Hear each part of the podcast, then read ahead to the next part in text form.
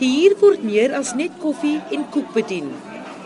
Brownies en Downies bied aan mense met verstandelike gestremthede die geleentheid om betekenisvolle lewens te lei.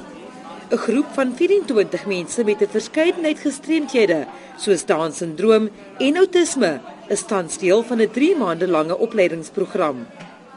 Die bestuurder, Wade Schultz, sê hulle bou vennootskappe met die gasvryheidsbedryf om diegene wat die kursus suksesvol voltooi in diens te neem. The coffee shop acts as a training center as well. So we bring them in and we train them to be waiters, uh, waitrons, baristas, kitchen staff, scullers, etc. Teach them about the hospitality industry and then eventually move them on to our, our business partners, move them into spas, move them in. Uh, Truth Coffee is our business partner at the moment as well. Then we're going to teach the, the companies how to handle them, the intricacies of like a give and take relationship, like any employee and employer.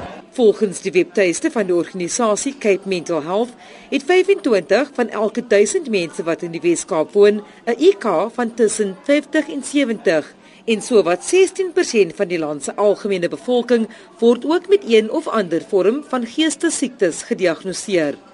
Vakleerlinge by Brownies en Downies sê die program gee hulle 'n doel in die lewe. Die 19-jarige Ashley Hoffman wat outisme het, word tans opgelei as 'n kelner.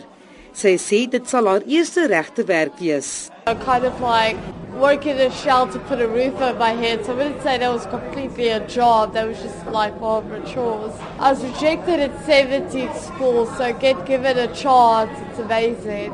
I don't feel useless. Die maatskaplike werker Wendy Vermeulen wat die idee na Suid-Afrika gebring het, sê dit is veral vir mense met verstandelike gestremthede wat sukkel om werk te kry. One of the main issues is that because they can't see it.